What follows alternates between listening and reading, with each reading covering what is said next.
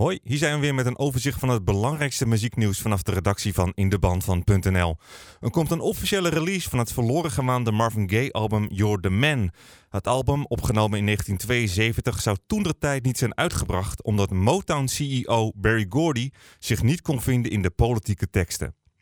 Billy Corgan heeft na 20 jaar zijn gitaar terug waarmee hij het debuutalbum van de Smashing Pumpkins opnam.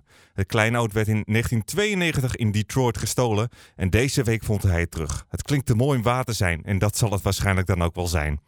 Muziekplatform Pandora heeft een andere eigenaar. SiriusXM, groot geworden met satellietradio, heeft er 3,5 miljard dollar voor neergelegd. Lindsey Buckingham is herstellende van een hartoperatie. En dan nog even wat muziektips. Naast de nieuwe albums van Ariana Grande en Lucky Fons de derde van afgelopen vrijdag is de nieuwe single van Rowan Herzen zeker ook een aanrader. En daarnaast heeft Dream Theater een hele sterke track afgeleverd.